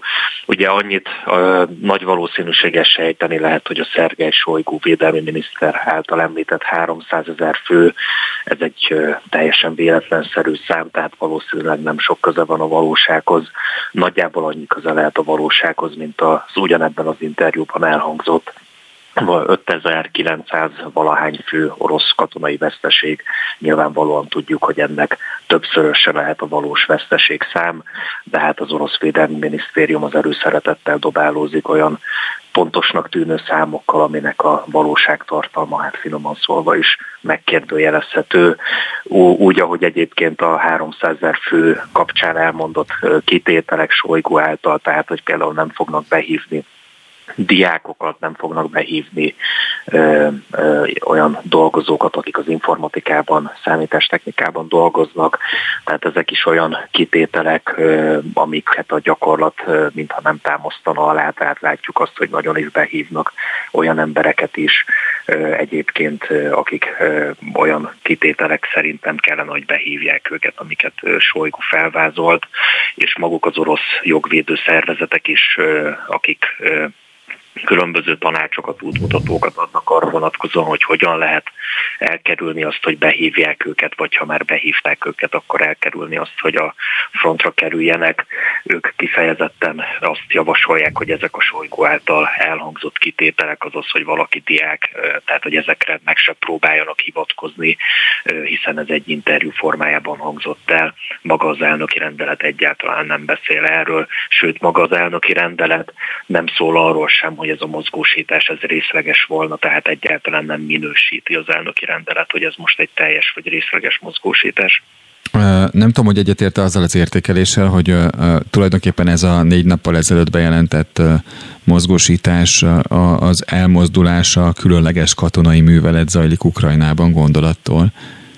Tehát, hogy hát abszolút. Az orosz közvélemény számára nyilván ez belpolitikai változásokat is elindít, de, de az, az is látható, hogy az első olyan bejelentés, ahol, ahol tömeges ellenállás mutatkozik. Hát igen, hogy a messze menő következtetéseket azt hiszem, hogy azért nem lehet levonni ezzel a tömeges ellenállással kapcsolatban, hiszen a, azért nem olyan nagy tömegben vonultak utcára az emberek, ezt látni lehet, tehát ennél sokkal nagyobb tömegtüntetések rázták már meg Oroszországot, akár csak az elmúlt években. Uh-huh. Ugye a különböző jogvédő szervezetek szerint 2000 embert vettek őrizetben, ugye azt látjuk, hogy regionálisan Dagestánban ott jelentősebb tömegtüntetések voltak. Ezzel együtt úgy tűnik, hogy itt a tömegszerveződések helyett, hiszen aminek az alapjait is az elmúlt években azért javarészt az orosz rendszer, az orosz rezsim felszámolta, ezek helyett, tehát az, hogy tömeges tüntetések keretében mennének az emberek kifejezni az elégedetlenséget, ezek helyett sokkal inkább az egyéni túlélési stratégiák azok, amik, amik érvényesülnek, tehát egyes állítások szerint most már több mint 260 ezeren hagyták el Oroszországot, miután elrendelték ezt az úgynevezett részleges mozgósítást, tehát a tömegtüntetések helyett sokkal inkább úgy tűnik, hogy mindenki próbálja valahogy megúszni ezt, vagy úgy, hogy külföldre távozik, vagy úgy, hogy elrejtőzik Oroszországban, de kisebb részt választják azt a forgatókönyvet, hogy aktívan ellenálljanak és tömegtüntetéseken vegyenek részt. Azt mennyiben tartja reálisnak, hogy, hogy peremkerületekről, illetve nagyvárosok hát lakosságából mozgósítanak, tehát ez belpolitikailag igazolható-e és fontos-e a Kremlnek, hogy így legyen? Igen, nagyjából amennyire ki lehet hámozni a jelenlegi híradásokból úgy tűnik, hogy ugye magát a mozgósítási cél elérését ezt kiadták a régióknak, tehát regionális szinten kell kiállítani bizonyos számokat, amelyeket ugye nyilván nem ismerünk, és feltehető az, azt hiszem okkal feltételezhető, hogy az orosz periférián sokkal nagyobb arányban próbálnak meg behívni embereket, például itt Dagestánban is, ugye szóltak arról hírek, meg, hogy a, a katonakorú férfi lakosságnak a javarészét azt megpróbálták volna behívni, tehát abszolút azt hiszem, hogy a Krem hatalmi szempontjai alapján azt a stratégiát követi, hogy igyekszik kevésbé az európai részekről, különösen pedig a nagyvárosokból, tehát Moszkvából, Szentpétervárról behívni embereket, és nagy többségében azért inkább a perifériáról próbálják meg, és hát ugye az eddigi tapasztalat is az volt, nyilván itt a még ugye pénzügyi ösztönzők domináltak, leginkább ugye ennek a, ezeknek a területeknek a lakosságát lehetett megszólítani azzal, hogyha uh-huh. Mhm. 5-6 ezer dollárnyi rubelt ígértek nekik azért cserébe, hogy 3-4 hónapra írjanak a szerződést. Az észak-oszétiai orosz belügyminiszter Andrei Szergejev megígyezte, hogy, vagy bejelentette, hogy a határátkelő helyekre érkezőket sokkal szigorúbban vizsgálják, sőt, hát le is zárják ezeket az ellenőrző pontokat katonákkal. Na most mit gondol, hogy az a terv, hogy hogy majd a szomszédos államok segítsenek abban, hogy a katonakorúak ne szökjenek külföldre, az mennyiben talál támogatásra? Hát ugye vannak uh, arról szóló hírek, hogy az orosz hatalom az azt tervezi, hogy lezárja Oroszország határait, legalábbis nyilván a katonakorú férfiak számára. Ugye egyelőre ez még nem történt meg, viszont regionális szinten uh, voltak olyan kezdeményezések már, hogy uh, ugye a régiós határokat is, ott is ellenőrző pontokat állítottak fel, igen. és nem engedték ki például az adott régióban élő állampolgárokat. Ezt ugye később eltörölték, de például a, a, az orosz határmenti régiókban ott, ott fokozzák az ellenőrzést a határátkelő pontokon. Azt hiszem, hogy arra lehet számítani, hogy miután itt ugye tegnap lezajlott ezek az álnépszavazások Ukrajna régióiban. Igen. Ebben a négy, négy, négy tartományból, ugye? Így van, igen, igen. tehát Herszonban, Zaporizsiában, Luhansk és Donetsk megyék megszent részeiben. Tehát, hogy ezek után arra lehet számolni, hogy miután megtörtént ezeknek a beolvasztása, Oroszország szigorítani fogja a feltételeit annak, hogy elhagyhassák Oroszországot, tehát, hogy elképzelhető az, hogy lezárják az orosz határokat valóban. Jó járt Krisztiánnak, a Nemzeti Közszolgálati Egyetem tanárának. Köszönöm szépen, hogy itt volt. Köszönöm a lehetőséget. Viszont hallásra. Viszont hallásra. Spirit FM 92.9 A nagyváros hangja a Dunaújvárosi Vasmű és segélykiáltásnak is felérő közleményt adott ki, az egyik nagy olvasztó hetekkel ezelőtt leállt, majd múlt héten másik nagy olvasztójuk leállítására kényszerült a vasmű. A közvetlen ok, hogy a Cox beszállítását évtizedek óta végző partner váratlanul megtagadta a szállítást. Az iparák kormányzati megsegítésével lenne esély arra, hogy a vállalat talpra tudjon állni. Orbán Viktor hétfőn azt mondta, a kabinet foglalkozik a problémával, milyen a légkör Dunaújvárosban a 4500 munkavállaló megélhetését fenyegető probléma kapcsán? Történt-e már elbocsájtás, és milyen irányból kikkel folytathatnak megbeszélést az érintett szereplők? Pintér Tamást, a város polgármesterét kérdezzük. Jó reggelt kívánok, polgármester úr! Jó reggelt kívánok! Önnek van-e információja arról, hogy, hogy elbocsájtottak-e bárkit?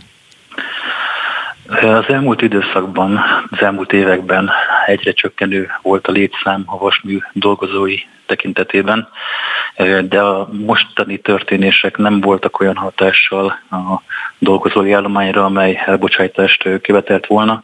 Sajnos éppen ez volt a legnagyobb probléma, hogy kevés volt a munka, kevés volt a a, a beszállított alapanyag, amit nem tudtak feldolgozni a vasműben, és éppen ezért inkább tétlenül várakoztak az elmúlt időszakban az ott dolgozók, és izgatottsággal, izgalommal, félelemmel teli várják a következő heteknek, napoknak az eseményét.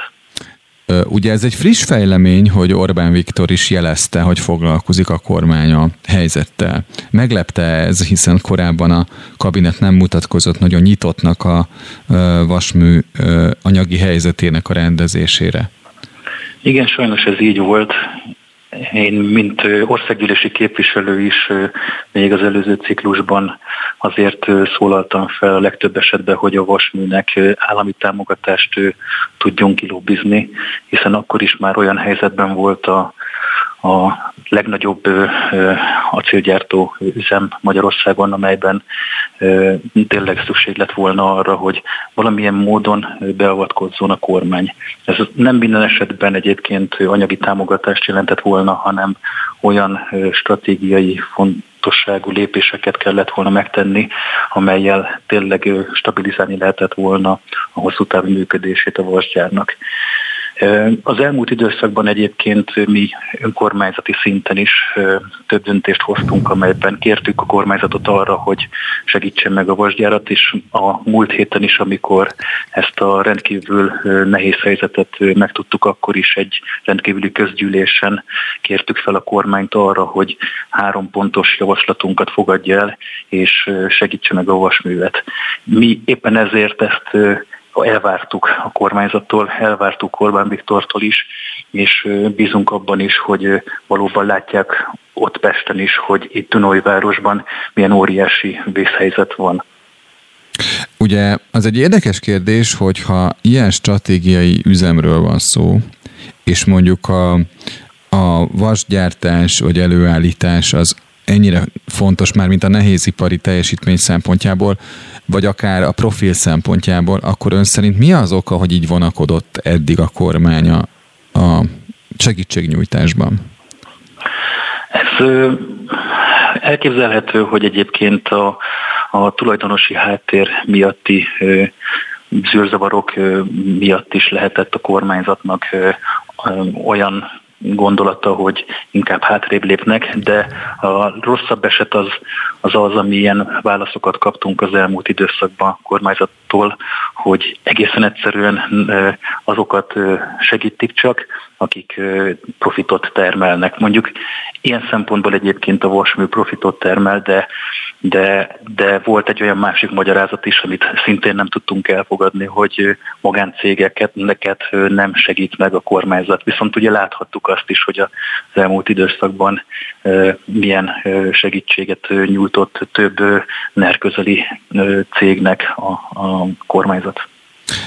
Azt hogy kell elképzelnünk, hogy a helyiek mennyire függnek attól, hogy, hogy a vasmű még meddig működik, és milyen feltételekkel, önnek, mint polgármesternek milyen helyzetet kell mérlegelni, milyen szempontokat?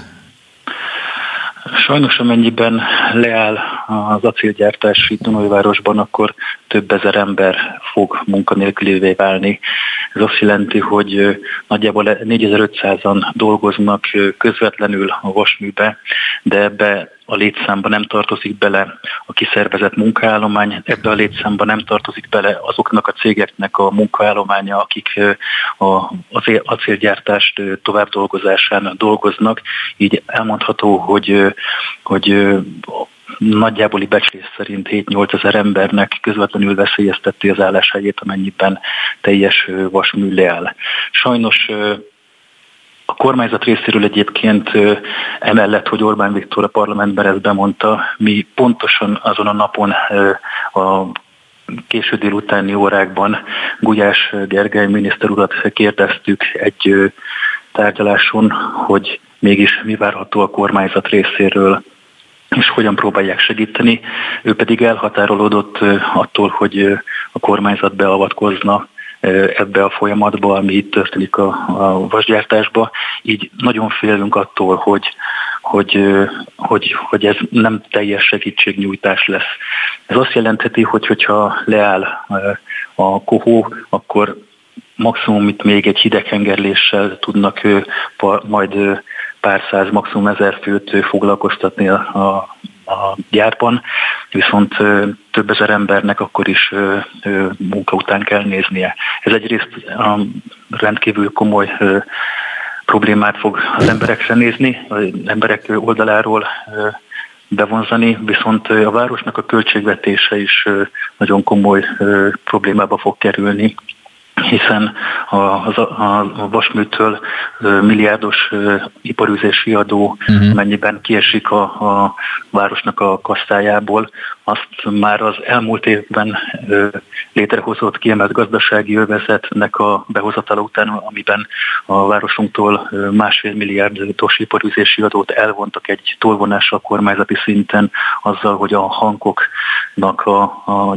tehát a hankok gumigyár már nem városunkba adózik, így több milliárdos hiányjal a költségvetésünkben rendkívül nehéz helyzetbe fogunk kerülni. Arról nem is beszélve, hogy amennyiben nem lesz munkája az embereknek, az ide, vagy ez itt dolgozó kereskedők nem fognak tudni szintén bevételt termelni, hiszen így nem is lesz fogyasztása elbocsájtottaknak. Világos. Zárnám a beszélgetést csak előtte, ugye, hadd mondjam el a korrektség kedvére, hogy a térség Fideszes országgyűlési képviselő jelezte a Facebookon, hogy Lázár Jánossal is kapcsolatban áll, és hogy már a, felvette a gyár vezetésével a kapcsolatot annak érdekében, hogy megakadályozza negatív következményeket. A én nagyon bízom benne, hogy lesz valamilyen kormányzati segítség. Ezt egyébként valamilyen szinten nem is értettük, hogy Lázár miniszter úrhoz fordult, hiszen ez a terület Palkovics miniszter úrnak az asztalán van, és neki kellene hatékonyabb lépéseket, hatékony lépéseket tennie. De hogyha Lázár miniszterelnök úr természetesen támogatja ezt, akkor... Még nem miniszterelnök, egyelőre csak miniszter. Miniszter, miniszter úr Igen. is támogatja, akkor, akkor bízunk benne, hogy, hogy egységes álláspont lesz a kormányban is arról, hogy megsegítik a gyárunkat. Hát ezt egyelőre Gulyás Gergely nem tudta megerősíteni, hogy van egységes álláspont, de polgármester úr, köszönöm szépen, hogy tájékoztatta a hallgatókat erről a helyzetről, amit követünk természetesen szorosan. És köszönöm a lehetőséget. Minden jót viszont hallásra. Spirit FM 92.9 A nagyváros hangja 65 kg élelmiszer hulladékot állítanak elő a magyarok, amivel éves szinten 45 ezer forint veszteséget szenvedünk el, adta közé a Magyar Élelmiszerbank Egyesület. A kutatás szerint a magyarok tudatos vásárlónak tartják magukat, mégis előfordul az élelmiszer pazarlás. Milyen okokra vezethető mindez vissza? Miként lehet elkerülni? Nagy György Andrást, a Magyar Élelmiszerbank Egyesület külső kapcsolatok igazgatóját kapcsoljuk. Jó reggelt kívánok! Szép jó reggelt kívánok! Engem ez a szám nagyon meglepett, ez a 65 kg évente, amit, amit a, a felmérés szerint kidobnak a polgárok, ami minden család esetében 45 ezer forint veszteséget jelent, ugye? Ez nem, hogy családok esetében, hanem fejenként. Fejenként, bocsánat. Igen. Ráadásul, tehát hogyha felszorozzuk egy átlagos négyfős háztartásra, akkor jócskán 100 ezer forint fölött vagyunk egy, egy nyaralásnak az ára gyakorlatilag, ami a kukába kerül, és néhány apró fogással ennek legalább a felét meg lehetne előzni. Vannak olyan élelmiszer hulladékok, mint például a tojásé, ami természetesen nem kerülne amúgy a tányérokra, de sajnos pékáruból, készételekből is nagyon sokat dobunk ki. Képzelje el, hogy elolvastam az erről szóló híreket, és azonnal 8 fokról levettem 3 fokra a hűtőmet. Nagyon-nagyon örülök ennek a lépésnek, és nagyon remélem, hogy a hallgatók közül sokan is hasonló módon fognak eljárni. Az a kutatás, amit a Nébisszel és az Electronics Magyarországgal készítettünk közösen, nagyon sok ellentmondást tárt fel, mert hogy Tízből nyolc magyar azt mondja, egyébként ez egy országos reprezentatív kutatás volt, tízből nyolc magyar azt mondta, hogy kellemetlenül érzi magát, hogyha élelmiszert kell kidobnia. Hogy neki az rossz, igen. Igen, a többség saját bevallása szerint tudatosan vásárol. Ennek ellenére ez a magas szám, hogy fejenként 45 ezer forint értékű élelmiszer dobunk ki, és ehhez közrejátszik az is például, hogy nem vagyunk tisztában vele, hogy hány fok az ideális hőmérséklet a hűtőszekrénybe. Ez egyébként 0 és 4 fok között van. A megkérdezett emberek átlagosan 6,5 fokra tippelték úgymond ezt az ideális hőmérsékletet. Uh-huh. Pont ezek az apró praktikák azok, amikkel meg lehet előzni az élelmiszer feleslegeknek a kialakulását, és természetesen nem csak a az élelmiszer pazarlási lánc, hogyha nevezhetjük így, nem csak a végén, nem csak ennek a láncnak a végén érdemes beavatkozni, amikor már a maradékok a hűtőnkben vannak, hanem gyakorlatilag a bevásárlás megtervezésével, a heti menü megtervezésével, bevásárlólisták írásával, tudatosan kialakított tárolási megoldásokkal tudunk az ellen tenni, hogy ekkora feleslegek keletkezzenek. Még egy pontot hagyd tegyek persze, ki. Persze. Mindennek nem csak a pénztárcánkra van nagyon kedvezőtlen hatása, hanem a környezetre is. Az ENSZ-nek van egy kutatása arra vonatkozóan, hogy az üvegházhatású gázoknak a 10%-a, még egyszer mondom, a 10%-a olyan élelmiszerekhez köthető, amiket megtermelünk a Földön, de nem fogyasztunk el. Mm. Ez nagyon sok, tehát így százalékban nagyon sok. Így igaz, sajnos nagyon nagy környezetromboló hatása van. Mi az élelmiszerbanknál ugye évente 8 millió kilogramnyi élelmiszert mentünk meg, de mi a kereskedelemből, áruházokból, élelmiszergyártókból ö, gyűjtjük össze azokat a feleslegeket, lejárat közeli vagy ö, csomagolási hibás termékeket, amik már nem kerülnének forgalomba, és ezt rászorulókhoz juttatjuk. Azonban a háztartásokból mi magunk nem tudjuk visszagyűjteni a feleslegeket, arra buzdítunk mindenkit, hogy, hogy legyen tudatos ezzel kapcsolatosan. A kutatásból egyébként kiderül, hogy a leggyakrabban pékárukat, zöldségeket, gyümölcsöket dobnak ki az emberek. Ugye hát az nem, az nem meglepő, hiszen ezek mindennapos mindennapos élelmiszerek, és ilyen szempontból van jelentősége annak, hogy, hogy hogy becsüljük meg azt, hogy mire van szükség naponta. Igen, gyakorlatilag ezek azok a termékek, amik elsődlegesen kidobásra kerülnek. Mondjuk de... az is igaz, hogy ezek romlanak meg leginkább a leggyorsabban, ugye? Ö, Zöldségek, hát, gyümölcsök. Igen, ha úgy vesszük, hogy, hogy mi az, ami megromlik, igen. nem feltétlenül a megromlás következtében dobják ki az emberek, hanem egyszerűen azt gondolják, hogy már egy kicsit ütődött, Aha. Pedig elérhetőek az interneten most már maradékmentő receptek, ha valamiből maradt egy kicsi, de úgy érezzük, hogy a második napon már nem szeretnénk ugyanazt az ízt enni, akkor fel lehet dobni, egy pörköltből lehet csinálni valamilyen rakott ételt, éppen egy ütődött gyümölcsből lehet valamilyen smoothie vagy, vagy turmixot készíteni, tehát hogy nagyon apró kreatív lépésekkel is lehet komoly lépéseket tenni de például a tejtermékek is erről vannak ezen a listán. Azt gondolom, hogy tényleg a tudatosság, az, hogy benézzünk a hűtőszekrényünkbe, mielőtt elmegyünk vásárolni, az komoly, komoly előrelépés lenne. Egyébként az Élelmiszerbank létrehozott egy olyan oldalt, egy honlapot, ahol kifejezetten ezeket a fogásokat, javaslatokat gyűjtöttük össze gyakorlatilag lépésenként. Esélyt az ételnek.hu a címe, és például azt is megtudhatják az odalátogatók, hogy a hűtőszekrény egyes polcaira mit érdemes tenni, mint hogy ugye a hűtőben mindenhol egy kicsit más a hőmérséklet, és ennek függvényében érdemes a különböző... Tehát akkor még egyszer az oldal nevét, hogyha megtenni. Esélyt? Ételnek.hu. Esélyt az ételnek? Igen, igen. Esélyt az ételnek.hu, gondolom ékezet nélkül. Természetesen, igen. Hát nagyon köszönöm az interjút Nagy György Andrásnak, a Magyar Élelmiszerbank Egyesület külső kapcsolatokért felelős igazgatójának, viszont hallásra. Viszont hallásra. Friss hírek, információk, beszélgetések. A Spirit FM reggeli műsora. Indítsa velünk a napot, hogy képben legyen. A mikrofonnál Somos András. Megalakult a Magyar Egyetemek fenntarthatósági platformja az elmúlt héten.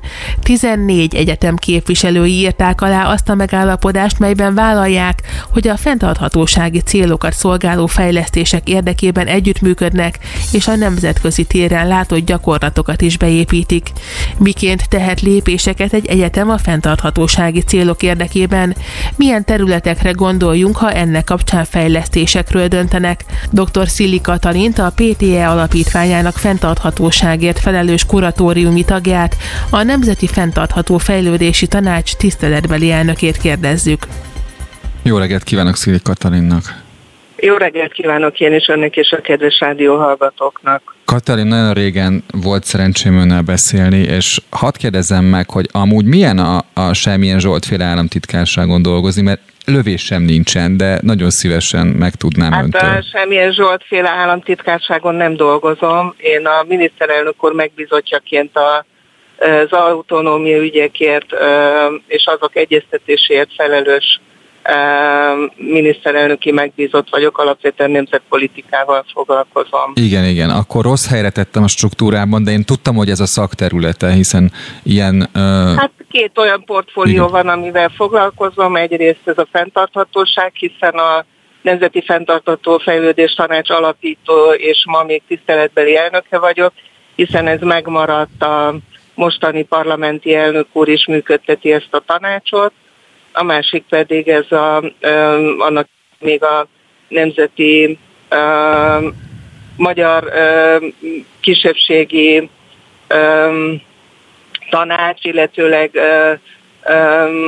amit annak idején még alapított, amit a határon túli magyarok képviselőinek a fóruma, ez is megmaradt, úgyhogy ezen belül folytatom Világos. ezt a munkát. Köszönöm szépen a kiegészítését, és a, hadd kérdezzem meg, hogy ugye nem lehet véletlen, hogy Pécsen jelentették be ezt az egyetemi fenntarthatósági platformot, amelyben részt vesz számtalan magyar egyetem, nem is számtalan, hiszen ugye pontosan fel... Mondhatjuk azt is, hogy számos, hiszen számos, 14 egyetem van. részt benne, és bárki csatlakozhat még ezen kívül az egyetemek közül hiszen pontosan azért, mert 2013-ban még a parlament elfogadta a fenntartható fejlődés keret stratégiát, ami egy sajátos és új megoldást alkalmaz azzal, hogy megállapítja a felelősségi rendszert is a társadalmi felelősségvállalás keretein belül.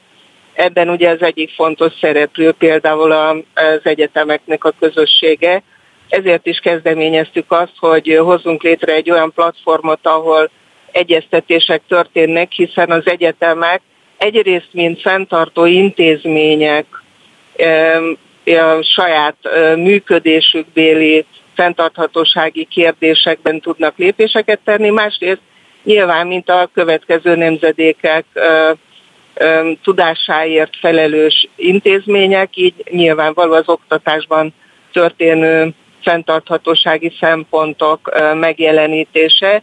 Ezekben mi úgy gondoltuk, lévén azokat a célkitűzéseket is figyelembe véve, mint például a 2050-re a klíma, teljes klímasemlegesség elérése, hogy mi az, amit tenni tudunk, akár akciók szervezésében, akár, ahogy elhangzott itt a felvezetőben, fejlesztések kérdéskörében, közösen tenni ebben a társadalmi felelősségvállalás keretében.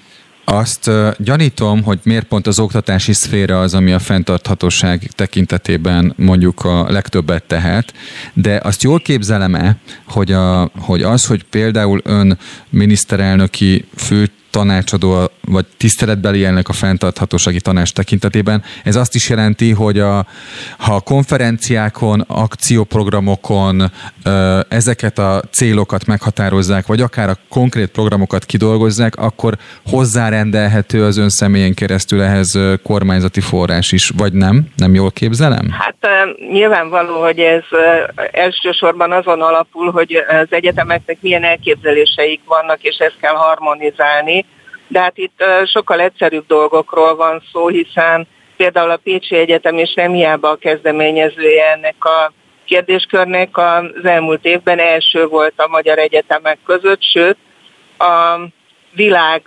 ranglistán 956 egyetemből a 42. volt a zöld egyetemek rangsorában, ami méltán mondatja azt is, hogy ebben vezető szerepet tölt be, hiszen például a megújuló energiák, amiket használ akár a biomassa tekintetében például, vagy a geotermikus energia felhasználásban, Pécsi Egyetem 50%-át már ezekből nyeri, ami a saját intézményi fenntartását jelenti. Én nem hiszem, hogy annak külön szerepe van, hogy az én nemzetpolitikában elfoglalt megbízásom, hiszen ez most már éppen a hetedik éve történik, és a között, ami egyébként a fenntarthatóság kérdésében jelentkezik. Ez legfeljebb annyiban, hogy személyi összefüggésben, hogy egy személyben vagyok, de nem hiszem, hogy ennek külön jelentősége lenne. Itt alapvetően arról van szó, hogy milyen programokat tesznek le az egyetemek, akár közösen, akár külön-külön.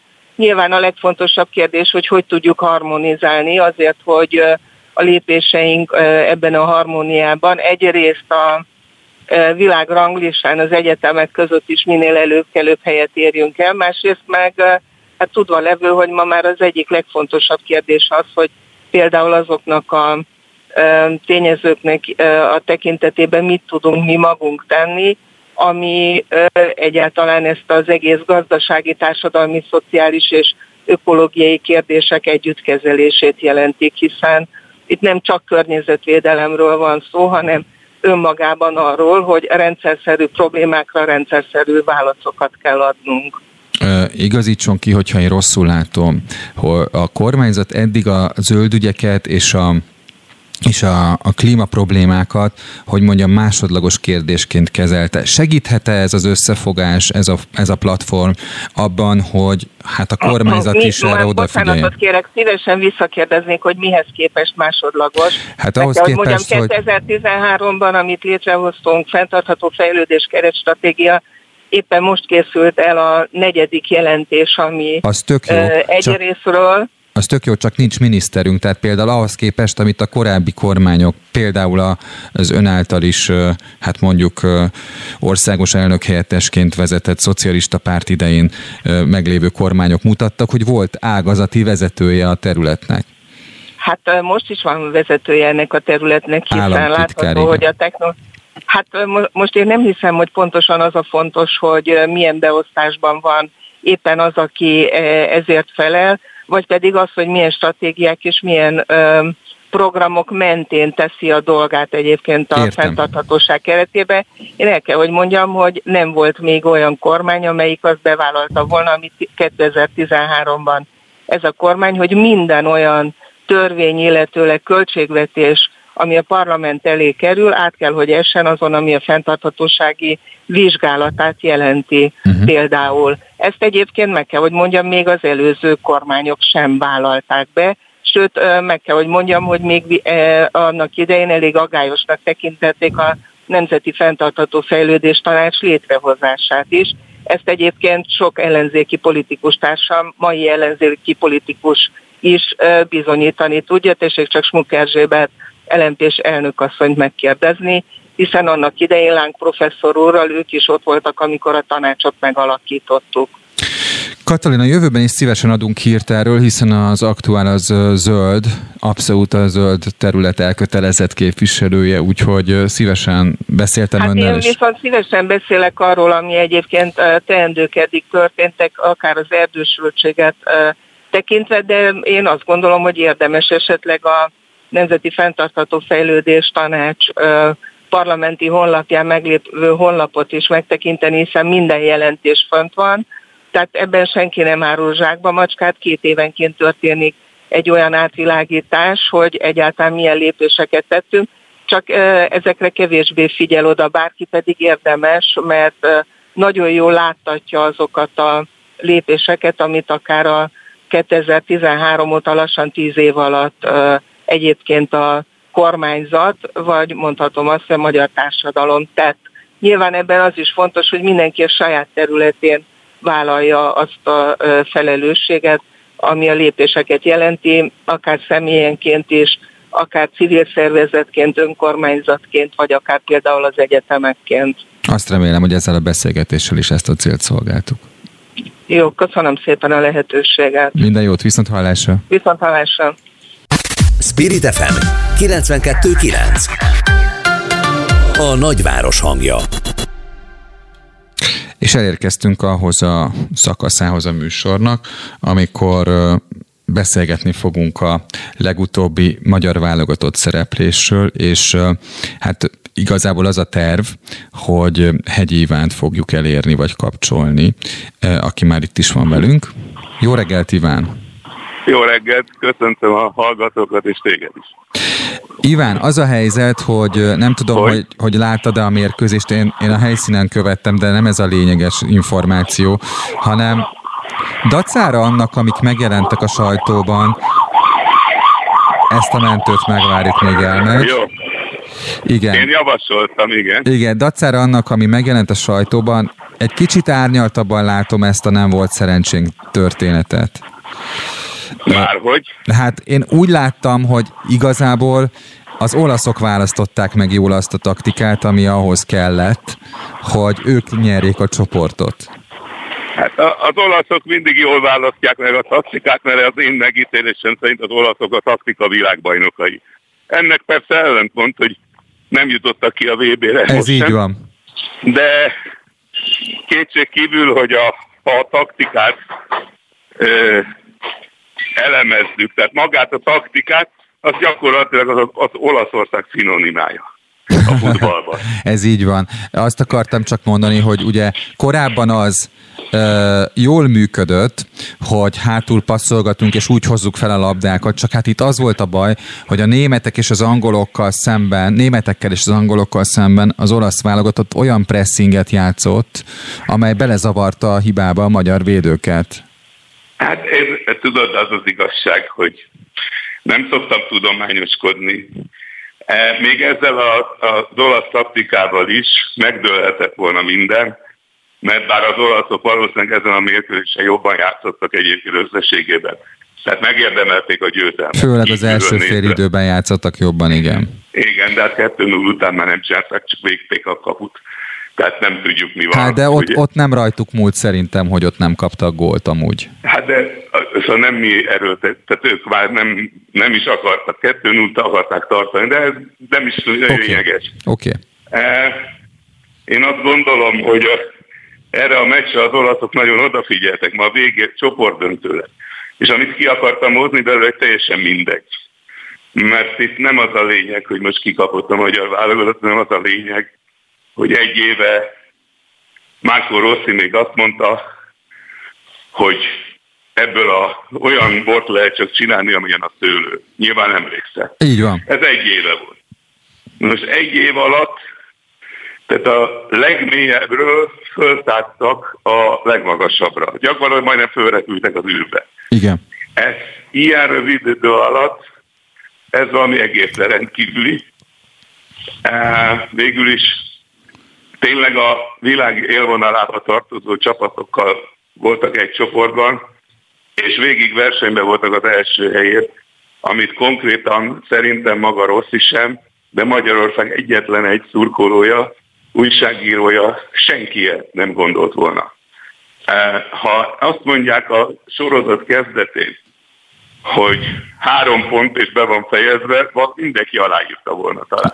Azt hiszem, igen. Ehhez képest,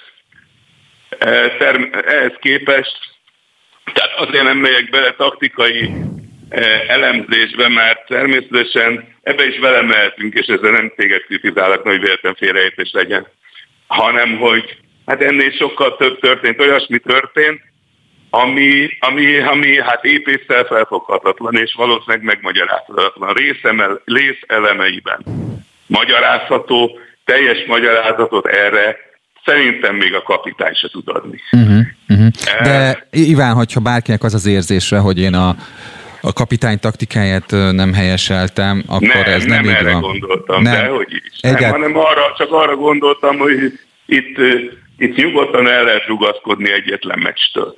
Tehát most azt, tehát hogy mondjam, kikaptunk az olaszoktól, és azt analizáljuk, az milyen szép, hogy vajon milyen, mi vezetett az olaszok elleni vereséghez. Hát máskor ezt nem analizáljuk, mert teljesen nyilvánvaló. Abszolút, abszolút. Iván, Rátérhetünk majd mindjárt egy, egy Na. másik kérdésre, ami Na. nagyon fontos, mert ugye Szalai Ádám elköszönt, csak azt akartam mondani, hogy dacára annak, hogy az olaszok jobbak voltak, én azt éreztem, hogy a másik félidőben például nem rajtuk múlt az, hogy ez, ez 2-0-es győzelem. Hát te így érezted. Én úgy gondoltam, hogy a 2-0 után ők már magabiztosak voltak, olasz válogatottat 2-0-ról megverni az még a braziloknak is nagy falat. Hát igen, Csak de ha fordít... meggondolod, hogy a döntetlennel mi nyertük volna a csoportot, akkor azt mondom, hogy ha negyed órával a vége előtt ott kapunk egy 11-est, az még bármi lehetett volna.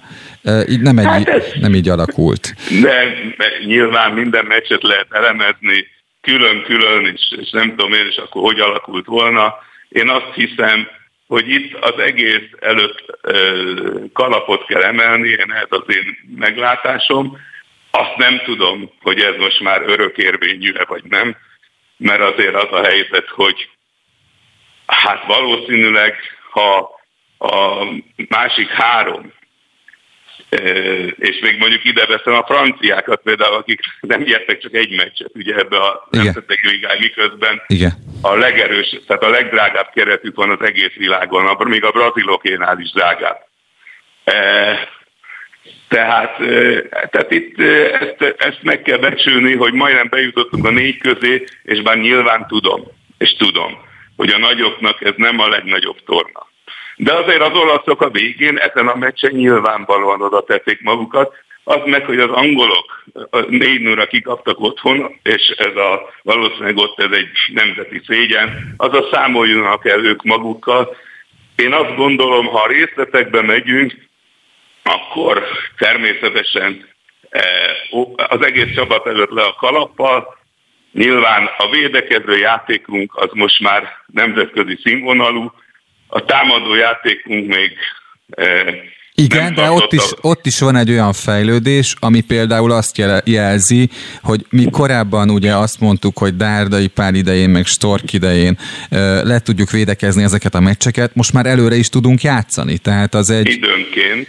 Hát persze, ne felejtsd el, persze hogy időnként. ezekkel a csapatokkal szemben akárhogy is nézett, ha leveszed a Wolverhamptoni egészen különleges estét, ami hát azt gondolom valóban egy történeti győzelem volt abban a szempontból, hogy még a 6-3-nál is nagyobb különbségű, és én azért hasonlítgatom ahhoz, nem azért, mert azok, akik kirívták, azok hasonlíthatók a 6-3-asokhoz, hanem azért, mert éppen az, hogy nagyobb szenzáció volt a 4-0 ezzel a csapattal, mint a 6-3 a puskásékkal. Azokkal könnyű volt a 6-3, nem? Tehát, azért, tehát nem viccelek. Tehát nem, ezt komolyan gondolom. Értem. De mindegy, vegyük le, mert az egy egészen különleges este volt. Záró kérdésem van, Iván. Jó. Már csak azért, mert beszéljünk egy kérdés erejéig Szalai Ádámról. Uh, ugye az nyilvánvaló, hogy, hogy azok, akik azt mondják, hogy nem egy puskás, nem egy, nem egy Szóval, hogy nem egy Grosics, akiknek a válogatottságát be, befogta, de akkor is azt lehet mondani, hogy az utóbbi tíz év leg, legmeghatározóbb magyar játékosáról van szó. Szóval mit okozhat az ő hiánya, hogyha távlatokat nézzük? De először azt szeretném mondani, hogy a szalai megítélése itthon mindig nagyon két, két esélyes volt, mondjuk így, és akkor de én még akkor is, amikor nem volt ilyen egyértelmű a megítélés, akkor is minden fórumon, ahol én megnyilvánultam, azt mondtam, hogy ez az ember tiszteletet érdemel. Nem azért, mert valóban nem puskás, ahogy te mondtad, de kétségkívül kihozta magából a maximumot, mondjuk legalább annyira, mint amennyire a magyar csapat, ha nem múlta felül magát ebben a, Igen. ebben a sorozatban. Igen. Tehát kihozta magát a maximumot, egy intelligens ember, egy, hogy is mondjam, egy karakter. A karakterét nagyon nehéz lesz pótolni, ráadásul én azt hiszem, hogy valamit ki kell találni a Rosszinak, bár nem tudom. Tehát ezeket az eredményeket azért ne gondoljuk, azt nem tudom elhinni, vagy legalábbis egyelőre nehezen hiszem, mert hogy ezen túl legyőzzük a világ legjogait állandóan. Tehát ez, ez, ezzel még egyelőre, ezt még emészteni kell. Nem rossz érzés, de azért Igen. ismerjük el, ez, de, tehát nem valós, nem, nem hiszem, hogy tehát Értem. akkor, mert akkor hogy legközelebbi feladat a világbajnoki cím, vagy legalább a négy közé jutás az évben. Az Ugye meg azért egy, távol van még, igen. Igen, tehát nem tudom, de nem akarom ezt elviccelni, e, és gondolom ki is hangzik a szavaimból, hogy én ezelőtt tisztelettel állok ezelőtt a teljesítmény előtt. A szavait nehéz ezt pótolni, mert a magyar csapat úgy játszik, ugye az a lényeg, hogy minél gyorsabban legyünk tizen a labda mögött, ha elveszik. Igen. Na most ezért a centernek óriási nehézségei vannak, mert hát nincs körülötte sajnos senki, vagy sokszor senki. Szalai ezt ragyogóan játszotta, először is intelligens futbalista is, minden labdát megküzdött, ha elvesztette, ha nem, akkor is mit tudom, 30-40 másodpercig fönn volt a labda. Ezt nagyon nehéz pótolni. Ráadásul hatással volt a többiekre, egy ilyen vezéregyéniség típusú ember, az önmagában is nagyon nehezen pótolható. Az nem nő ki csak úgy. Rá lehet mutatni Szoboszlai Dominikra, aki alig múlt 20, hogy ő lesz a cséká, de attól Szoboszlai Dominik még nem lesz olyan vezéregyéniség, mint a, amilyen volt a függetlenül, független természetesen a futballtudástól, vagy e, e, mint amilyen a szalai volt, és én szerintem a futballban is nagyon nehéz lesz pótolni, tehát át kell állni egy olyan rendszerre, ahol, ahol Na de azt nem tudom, mert ugye a következő lépés az akkor lenne, hogy akkor játszani, javaslom, ahogy a világ legjobbjai játszanak. Javaslom, Iván, hogyha megvan az új rendszer, akkor beszéljünk arról, hogy ez micsoda. hát én megmondom, három csatákkal játszani, és akkor érted? Igen. Tehát, tehát mondjuk 4-3-3-ba, vagy nem tudom én, hát nem Világos. akarok én persze hogy mondjam, a kálcsóban van az igazi taktika, és csak akartam mondani, hogy talán nem véletlen, hogy ez a sorozat egy olyan emberrel valósult meg, aki a kálcsóból jön. Iván, nagyon köszönöm az elemzést, és hát azt reméljük, hogy a magyar sikerek nem érnek véget, vagy kiteljesednek a következő sorozatban is, ami az Európa bajnoki szereplés. Már kiemeltek vagyunk, és a legerősebb csapatokkal nem kerülhetünk össze, illetve hát Angliával, Franciaországgal persze összekerülhetünk. Köszönöm szépen, Iván. De hát azok se olyan erősek, tudod jól. Már nem olyanok, igen, tudom. Köszönöm, Iván. Köszönöm a beszélgetést. Szia. Szia.